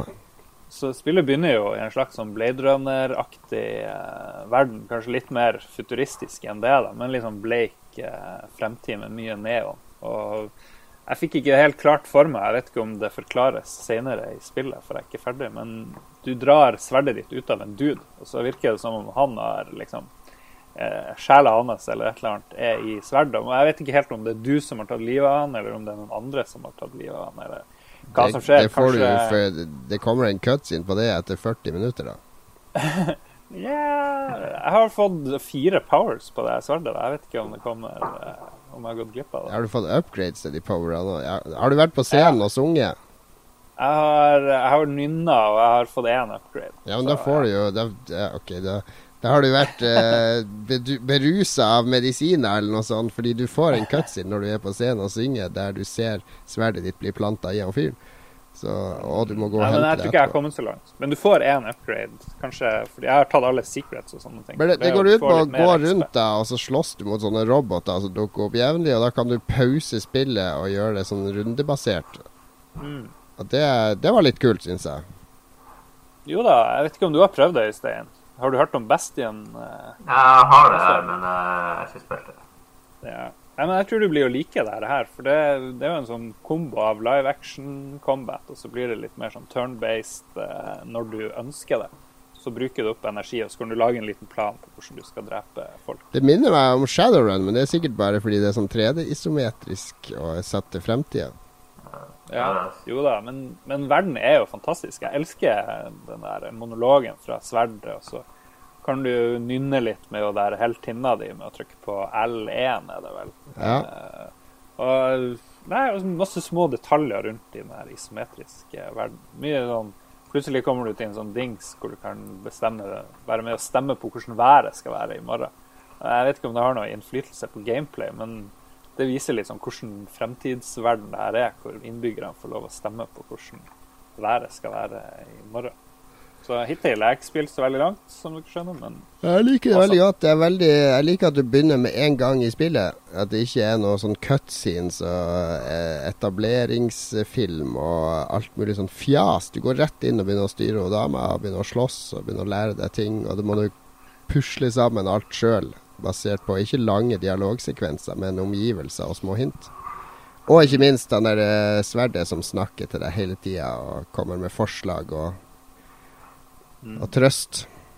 Ja, så har du jo i hvert fall de fire powers som jeg har hittil. eh, Så kan du kombinere dem da på ulike måter. Når du frystida skal lage slagplanen din, så er det sikkert noen komboer som funker bedre enn andre, og noen eh, Ja, jeg har en del dybde. backstabbe, Og, ja, det, og det må du lære sjøl, da. Og det syns jeg er litt greit, men det er jo også litt vanskelig. Så det, det er ikke sånn spill du bare breezer gjennom kjempefort. Nei. Like mye dybde er det nok ikke i uh, Wolfenstein, som jeg har spilt den siste uka.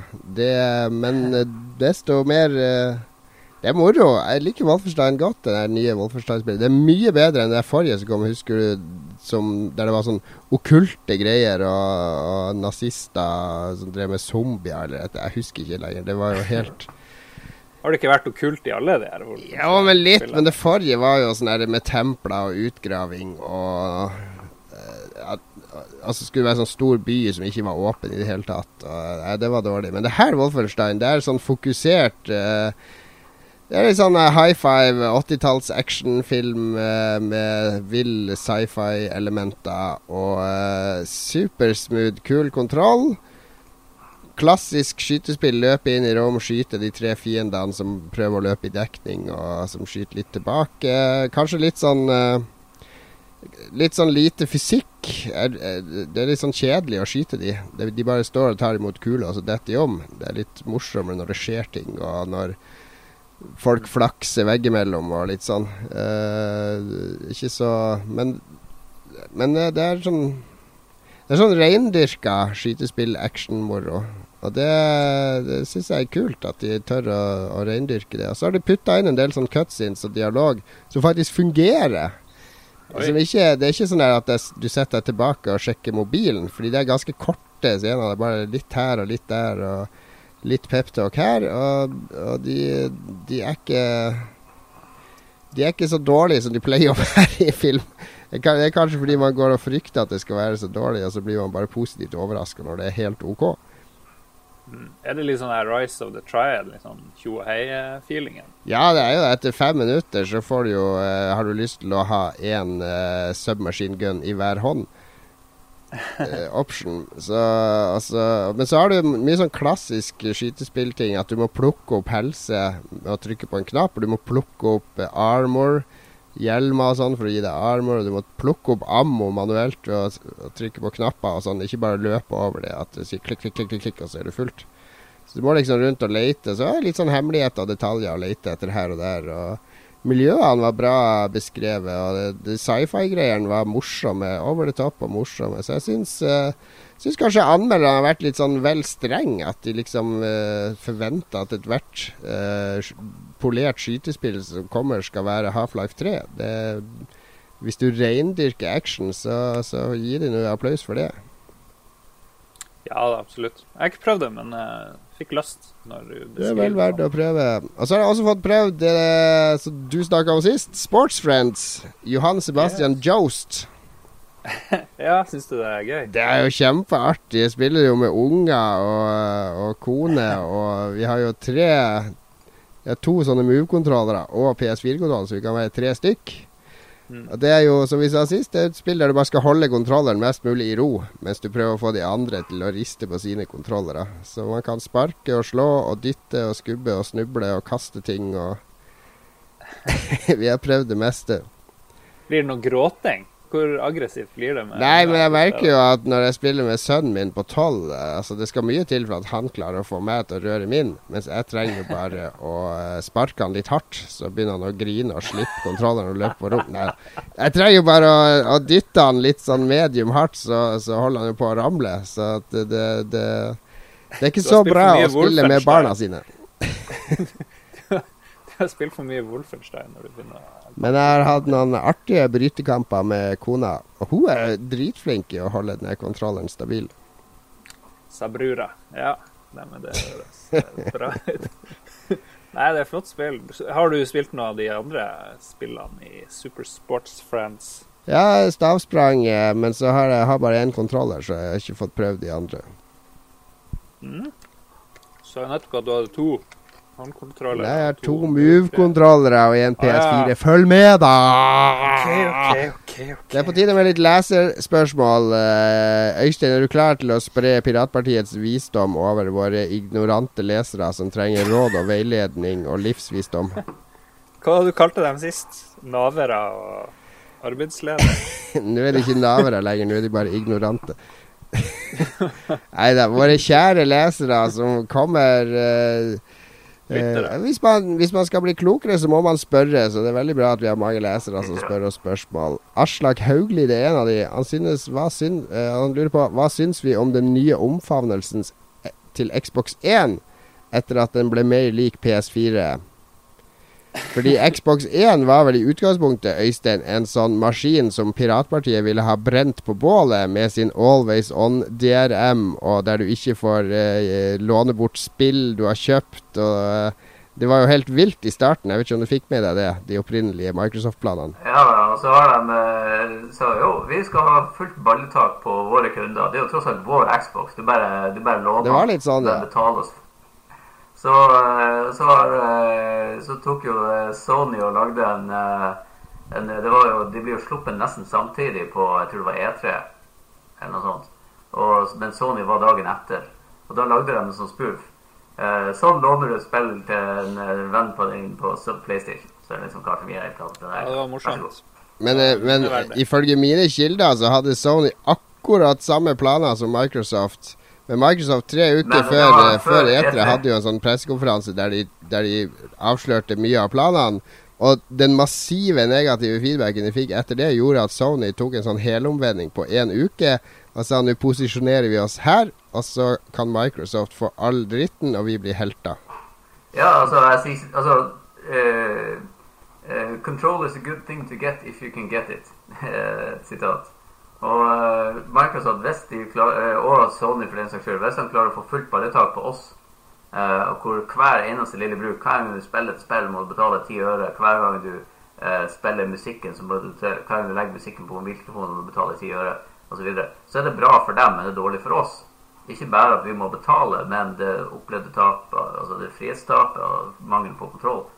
Så at Microsoft jenker seg litt grann etter massiv kritikk eh, Jeg vil ikke akkurat si at det er positivt, eller det, det, Vi vet nøyaktig hvor kynisk den gjengen der er. Eh, De har ikke prøvd å skjule det engang. Men, men eh, Xbox 1 er jo Det virker som at alt er glemt nå, da. Nå når den er mer likt PS4. Er det litt uh, Fortjener de å bli tilgitt så fort, eller syns du at folk folk Ikke bør glemt av meg. Det høres ut som de ikke glemte deg heller. Hæ? Ut ifra spørsmålsstillinga så tror jeg ikke du har glemt det, du heller. Jeg har ikke glemt det, der, men jeg er jo nøytral journalist oppi det her. Ja, folk har nok kanskje litt eh, ja, kortere hukommelse enn eh, jeg helst skulle sett at de hadde. Jeg vet ikke, men er det blitt så mange som har omfavna Xbox One etter at den ble mer lik PS4? Det mener jo Aslak Hauglie, men jeg har nå ikke sett det. Nå har jeg ikke Jeg tror ikke det har gitt seg utslag i salg ennå, men eh, det- Nå er det jo bare Nå er det to eh, PS4-er på markedet. Den ene er litt dårligere enn den andre. De er jo ganske identiske nå. Spesielt nå når de dropper Kinect òg. Ja. Jo. Nei, jeg vet ikke. Vi får bare vente og se om eh, den klarer å ta igjen. I USA så vil den sikkert gå greit. Eh, Lav pris tror jeg har mye å si der. Det har nok det. Konfusus90, vår faste, kjære, trofaste venn. Hva spill som ikke har oppfølger, vil dere ha oppfølger til? Jeg vil gjerne se Enslaved få en oppfølger. Undervurdert spill. Øystein, hva er favoritten din som du ikke har fått en oppfølger til? Uh, Wing Commander Privateer og Star Control de digga jo jeg i min tid. Det er, men det er jo gamle spill, da. Men de formatet burde helt klart fått seg en ny en. Eh, Av nye spill eh, så eh, Jeg har ikke noe her og nå. Nei. Men eh, jeg så noen som uh, satte på en YouTube-video av uh, Nord og Sør-spillet, hvis dere husker det fra Ja, det er et kult spill. Uh, gamle dager. Jeg, det er liksom ikke verdens beste spill, men ja. Jeg vet ikke om jeg vil ha en oppfølger heller, men ja, jeg vet ikke. Det da det kunne de fikk kalt oppfølgeren for. Øst og Vest. ja, øst og vest. Opp og ned. Ja, det er jo eh, med Putin på ene sida og Ukraina på andre. Og så vil jeg ha en IOS-versjon av Jones in the Fast Lane. Jeg Det tenkte jeg på her om dagen. Ja, Hvis dere husker det. Han duden som skal ha seg jobb, og du får dra rundt på et lite kart å styre på. Det var jo genialt. Jeg vil ha en oppfølger til uh, Swordfish Studios sitt kriminelt undervurdert uh, førstepersons RTS sci-fi-spill uh, Hostile Waters. Som var et av mine favoritt-PC-spill på 90-tallet, slutten av 90-tallet. Det var et spill der du hadde en diger sånn hangarskip, og så lagde du helikoptre og båter og eh, kjøretøyer som du putta chipper med jern til soldater i. Så du kunne liksom Hvis, hvis kjøretøyet ble sprengt, så kunne, hadde du en backup av soldaten som du kunne bruke i et annet fartøy og sånn. Og så kunne man ta kontroll over ulike øyer i en sånn svær arkipelago. Og det var utrolig kul Det var 3D, da, så man kunne fly helikopter, og man kunne sende andre eh, soldater, datastyrte soldater ut på oppdrag. da, Lage patruljerute og forsvare basene sine. Og fikk beskjed hvis det skjedde noe. Når som helst kunne man hoppe inn i cockpiten til hvem som helst av soldatene og styre sjøl.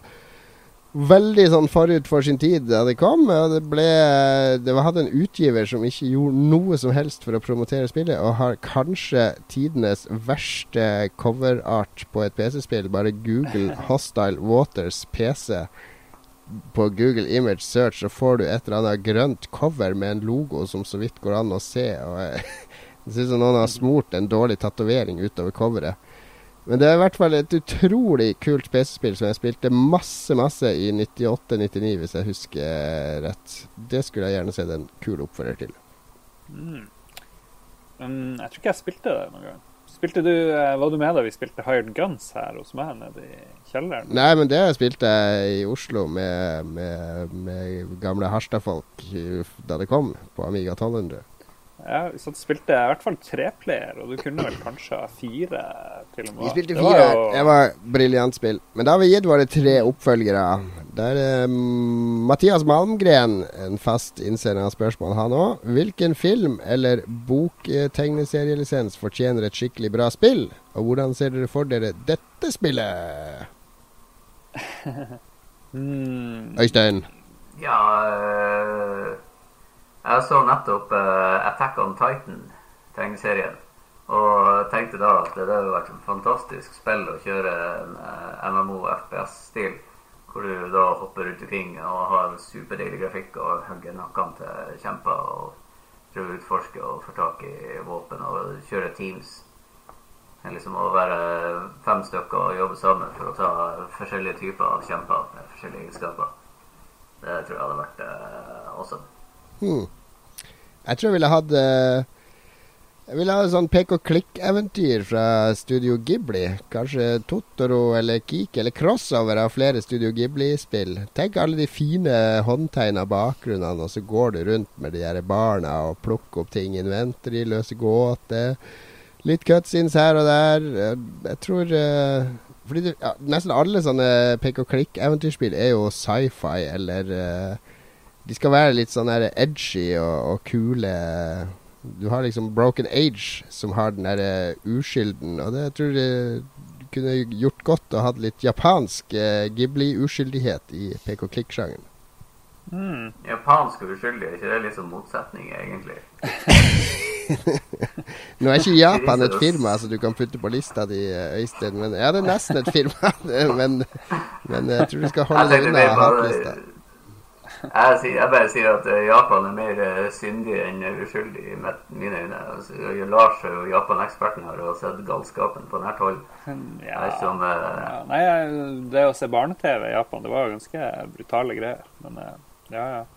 Ghibli Og, er nå i eh, hvert fall ganske uskyldig Ghibli er og veldig Ghibli er stimulerende for barns eh, fantasi. Jeg skulle gjerne er på Japan skulle gjerne sett mer uh, Ghibli eh, spin-offs og merchandise og så videre, så jeg kan uh, dytte ungene over på ja, Totoro. Men eh, eh, Øystein, det er jo faktisk Disney som distribuerer Ghibli i Vesten. oh, Det ble stille. Det ble stille. Eh, siden vi er på Japan-kjøret, har du ikke sett den der eh, animeen eh, Hva heter heter Sword Art Online. Det kommer vel noen Vita-spill og noe litt sånn smågreier. Men når Morpheus og Oculus Rift kommer, så er jo det perfekt til å ha Sword Art Online-spill. Og det handler jo om folk som går inn i virtual reality og blir fanga der. Så det har vært litt awesome. Eh, Jeg har ikke lyst til å bli fanga på ordentlig i virtual reality, men eh, hele universet der tror jeg hadde passa veldig veldig bra til eh, et Morpheus online VR-greie. OK, der fikk du svaret ditt, eh, Mathias. Jeg må Um, skyte inn eh, Cowboy Bebop, en eh, gammel anime fra Japan. Det var en veldig kul setting. Så det har kanskje gjort seg med ja, adventure-spill. Da var Ja. vi på Japan-kjøret skikkelig her. Nå må vi av Japan-kjøret, for nå har vi han CFC-Borg eh, som har sendt eh, Jeg tror det var egentlig Jeg tror ikke han hører på Lolbua, men jeg tok det med i Lolbua eh, som Lolbua-spørsmål. Han lurer på om jeg tror at Google vil ødelegge Twitch eller videreutvikle tjenesten som et levebrød. Eh, og der er han jo han utdypa det litt for meg. Da. Han er ikke redd for at de skal legge ned strømmetjenesten eller noe sånt. At de skal tilrettelegge det mer, sånn at det blir vanskeligere å tjene penger på det for vanlige folk. Eller legge hinder i veien for, for, eh, for sånn som det er nå. Det er jo ganske fritt og åpent nå. Der er vel Øystein eh, den rette til å vurdere Nå er jo ikke dette et oppkjøp ennå, da, men hvis det blir et oppkjøp Altså, alle de eh, vellykka tjenestene blir jo kjøpt opp før eller siden. Det, det virker som at det, det her er toppen tar alt. Og det handler om å koble tjenester sammen med synergier og, og koble sammen annonsenettverk osv. Men eh, jeg tror ikke at Google blir å drepe Twitch på samme måte som eh, Microsoft drepte Nokia. Jeg tror at eh, de blir å altså Hvis de kjøper den opp, så blir det å bruke det som base for altså Google hadde jo Google Video, men det var bare en crappy tjeneste. Og så kjøpte de YouTube, og nå er det eh, YouTube som kjører det. Og så har de Uh, Må ikke være for negativ mot Google nå, for husk at det her er i Google Hangout, så de sitter og hører hvert ord vi sier. Ja, Og kan når som helst eh, sende advokater på døra vår. Ja, jeg, jeg er ikke redd for advokater. Jeg har jo uh, gått fram for kulturkomiteer og innrømt uh, kopi- kopiering og sagt ta meg først, framfor at dere tar denne uh, starter denne jakta på denne såkalte piraten. Så, men altså at, uh, Hvor var jeg? Nei, vi var på, ja, men jeg tror heller ikke Google vil ødelegge Altså, De kjøper jo det her fordi de gjør noe riktig som de vil videreutvikle. Altså, jeg tror kanskje de vil tilrettelegge Twitch sånn at det blir litt mer proft. Eh, spesielt overfor store sånne e-sportsarrangører, sånn at de kan kuppe seg rettigheter til at, at store e-sportarrangement, sånn League of Legends-finaler som blir sett av 20-30 millioner, at det går over Google sin tjeneste, og ikke konkurrerende Ja, de kommer til å beholde varemerket. Eh, De kommer til å integrere teknologien. Det gjør de alltid eh, hvis de kjøper det opp. Og de kommer til å beholde Twitch som eh, strømmevaremerke. Så kanskje tar de noe av det og bak inn i YouTube, så du får større grad av eh, TV-kanaler. Kanskje er det her et skritt mot eh, å lage sin egen variant av Netflix. Eh, Bare med mer indie. Men at de kommer til å gjøre det vanskeligere for gud og hvermann å lage kanaler, det har jeg ingen tro på, for det er det som er livsblodet til Twitch. Det høres betryggende ut. Men jeg må innrømme, jeg syns det er alltid litt sånn morsomt når f.eks. Uh, Facebook kjøpte opp Oculus Rift, eller nå hvis Google skal kjøpe opp Twitch, så er det masse folk som er Å nei, de onde, griske, grådige folkene i Facebook, de kjøper det opp. De, men, men poenget er jo at de som eide Oculus Rift, valgte jo å selge sitt selskap til Facebook, og de som eier Twitch Det er jo de som er onde, som velger å ta pengene og gni seg i hendene og selge det til de onde i anførselstegn. Altså De, de Oculus, trenger jo ikke å sammenligne Oculus-historien og Twitch-historien. Twitch er et selskap på samme måte som det er Instagram eller whatever. Og der er oppkjørt helt vanlig. Grunnen til at folk reagerte så sterkt på Oculus-oppkjøpet, var jo fordi at det var jo folkefinansiert, så folk følte at de hadde mye større til, eh, eierskap til prosjektet. Det var mye mer lagt opp for at alle skulle kunne videreutvikle det og lage programvare til det. Og Facebook er fullstendig motsatt. De, de lager fullstendig proprietære løsninger, fullstendig proprietære og eh, te- teknologier og systemer og tilganger osv. Men, men det, det skyldes jo litt uvitenhet hos folk at de, det er jo en donasjon. Altså Hvis jeg gir 30 kroner til en tiger som sier at han er sulten, og så går han og kjøper seg heroin, så skal ikke jeg løpe etter og si hei, hei, jeg ga deg de pengene for at du skulle putte mat i kroppen, ikke narkotika. Altså, du gir, du gir de penger i, fordi de sier at vi har lyst til å lage eller gjøre det og det, og så kan de gjøre egentlig hva de vil når de først har fått pengene. Ja, hvis det hadde vært tilfellet, så hadde jo ikke Kickstarter overlevd det, det, første prosjektet. Eh, det er jo for at de faktisk får noe igjen, som oftest, eh, at folk fortsetter å donere til Kickstarter-prosjekter. Ja, donert, selvfølgelig, eh, men det er jo folk som ikke har fått igjen det de har blitt lova. Ja, jeg har donert til over et dusin prosjekter og ganske store beløp. Jeg har alltid fått eh, noe igjen for det. Og jeg har jo fått både av spill, så har jeg fått både eh, Jeg har kjøpt den her eh, Eller donert til Oya-prosjektet. Det var sånn Ja, den har jeg òg. eh, til eh, eh, til eh, det, det, det, Say it. Ikke så fa men eh, Poenget er jo at selv om du har, du har donert, og så får du Alle de som har donert til Oculus Rift, har jo fått det som var på tieren som de donerte til. Ja. De har jo fått uh, headsetet ditt. De har jo fått, uh, de har fått det de donerte, den belønninga som de skal ha. Og, men utover å få den belønninga, så har jo ikke de noe som helst de skulle ha sagt med hvor selskapet går videre. Altså, jeg er ikke ute etter å uh, argumentere det her nå. Jeg bare sier hvorfor folk var sinte. Og jeg var, hvis jeg hadde donert, så hadde jeg vært en av dem. Og jeg tror nok selv om jeg ikke donerte til Oculus, så hadde han fortsatt vært gretten for at jeg, så jeg Selv om du hadde fått reward-tieren din og alt du hadde betalt for? Ja, for det her er en teknologi og en retning som uh, godt kunne vært i det offentlige. Og litt av uh, magien med folkefinansiering er at du skulle kunne lage teknologier og løsninger og tjenester som i større grad uh, er en del av allmennheten og ikke tilhører en og en håndfull store selskaper som så skal diktere våre liv. VR er en veldig viktig teknologi, en veldig viktig grein, for, ikke bare for spill, men for mange andre aspekter i samfunnet. Og, det er riktig. Og jeg syns det, det kunne godt ha vært en aktør med litt mer offentlig, allment fokus enn Facebook, som hadde tatt over det, hvis noen skulle tatt over det. Kanskje, kanskje. Men jeg så i England var det noen eh, eh, kunnskapsrike unge menn som nå har laga en VR-greie til mobiltelefoner. Der du, du kobler mobiltelefonen opp foran øyet i et hjemmelaga headset. Så deles den i to skjermer, og så får du Oculus Rift-opplevelsen for eh, under 50 dollar for komplett eh, VR-opplevelse.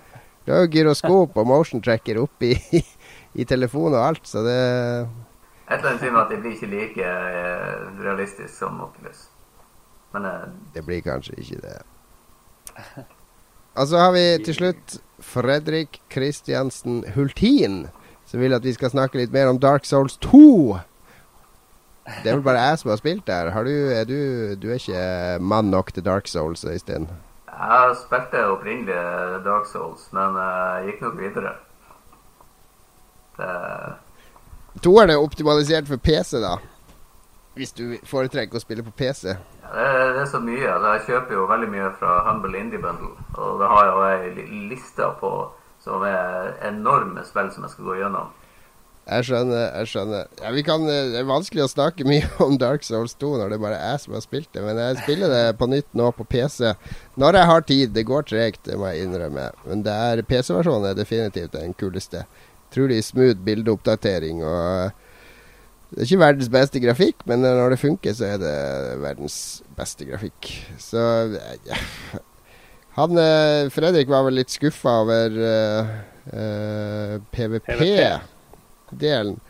Jeg er ikke like skuffa. Altså, jeg har aldri vært noe aktiv med å invadere andre og drepe de. Jeg er mer uh, livredd for å bli invadert sjøl. Jeg er ikke verdens beste Dark Souls-spiller. Jeg kommer aldri til å bli sånn elitespiller i det. Men jeg liker konseptet med å bli invadert og sånn. Men jeg har aldri kjempa i den der Jeg vet ikke om det er sånn arena i toeren, sånn som det ble i eneren etter hvert. Uh, Keine aning. Keine aning. Uh, nei, men uh, vi kan uh, Hvis vi får inn en Dark Souls-gjest en gang, så skal vi snakke masse Dark Souls. Det kan vi love Fredrik. God idé. God idé. Vi kan jo nevne at Dark Souls-sjefen har jo blitt sjef for From Software, som lager Som utgir eller produserer spillserien. Og det er jo gode nyheter. Da blir det bare veldig vanskelig og dystre spill From Software. kanskje, kanskje. De, den andre spillserien de lager, heter vel Armored Core, og den, jo, den har jo blitt minst like vanskelig de siste årene. Eller i hvert fall obskur. Jeg var på en Armored Core-visning for PS3-versjonen av spillet for to år siden. Det er en time som jeg ikke skjønte noe som helst av. Der de skulle vise Det var sånn multiplayer-kamp med én japaner mot øh, og syv robotstyrte øh, kjemperoboter. Og de drev og pekte på et sånt kart, og det var bare tall og stats. Og, og, det gikk så fort når han spilte. Det var ingen som skjønte noe som helst. Så det, det er like utilgjengelige spill som du må spille i to år for å bli flink i. Men nei, noen ganger så ser jeg spill Det her kommer jeg aldri til å skjønne noe av, uansett hvor mye jeg spiller. Og det var et sånt spill. Mm. Var det noe rykte om noe nytt From Software-spill til PS eller et ja, de la, det var det er en screenshot. rykte om at de har med noe til E3 som er i samme ånd som Dark Souls. Project Beast, eller hva nå enn det het. Det var Ja. noen screenshots, i hvert fall. Så, Det får vi det prøve var... å sjekke ut når vi skal til etere snart. Du vet at vi skal til Los Yeah. Angeles, eh, Øystein? Nei. Skal dere det? Vi skal ha en tur til, eh, til eh, filmbyen i USA for å se på dataspill. Ja, jeg får uh, kose dere og uh, kaste noen egg på NPA sitt hovedkvarter, så er jeg happy. Vi skal dra til Disney Studio og ta bilde utafor til ære for eh, Øystein, som han skal få signert eh, fra Lolbua for at han var gjest eh, i eh, vårt program. Tusen takk for at du var gjest i dag, Øystein. Åssen syns du det gikk sjøl? Ja, er ingenting jeg liker bedre enn å enn spilling. Annet enn unger og sånt, da. Men uh, gaming er jo noe jeg har styrt med uh, til en del uh, samboers Ja. Kanskje Fortvilelse. Ja, er litt mye, men heldigvis jeg er jo så velsigna har ei kone som ser like mye på Starcraft-kommentarer og videoer som jeg gjør. Så, uh, så slå den. Det er eh, bra. Så du, har, eh, du får lov å spille Ja, mye. hun vil at jeg skal spille, så Men har du restriksjoner på hvor mye sånn spillkonsoller og maskiner og sånn du får lov å ha? Nei, jeg har nå en pen stabel her, men jeg holder meg mest til PC. Ja. Vi avslutter med litt musikk fra Hvilket spill er det fra, Lars? Ja, det var det jeg satt og prøvde å finne ut. Det er et ganske nytt spill. Sånn håndtegna grafikk og Eh, Child of Light. Child of Light-musikken. Nå får, vi, nå får vi i hvert fall Google på nakken, skal jeg love dere. Eh, vi eh, avslutter dagens eh, formiddagssending. Eh, som alle kan følge oss på eh, Twitter, et Lolbua. Du kan også følge oss på Facebook nå. Eh, gruppa heter Lolbua Facebook.com Lolbua2000. Var det det, Lars? Eh, Lolbua 2000, ja. Det er to Lolbua-grupper. Vi er den med en del følgere. Vi har lånt logoen vår, så Ja, jeg har bedt. Magnus lage logo. Magnus var ikke med oss i dag, men han er med oss neste uke, håper vi. Hvis han ikke har eh, blitt utsatt for en alvorlig ulykke i mellomtida. Bank i bordet. Eh, takker for følget i dag. Vi reiser snart til Los Angeles. Det tror jeg kanskje vi må snakke litt om i neste episode, eller hva, Lars? juhu! Det blir en pre-E3-sending. En pre-E3-sending neste uke. Følg oss videre inn i den varme sommernatta. Vi ses. Ha det bra. Ha det bra. Takk til alle navere. Ha det.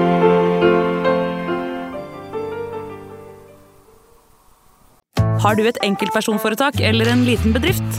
Da er du sikkert lei av å høre meg snakke om hvor enkelt det er med kvitteringer og bilag i fiken, så vi eh, gir oss her, vi. Fordi vi liker enkelt. Fiken superenkelt regnskap.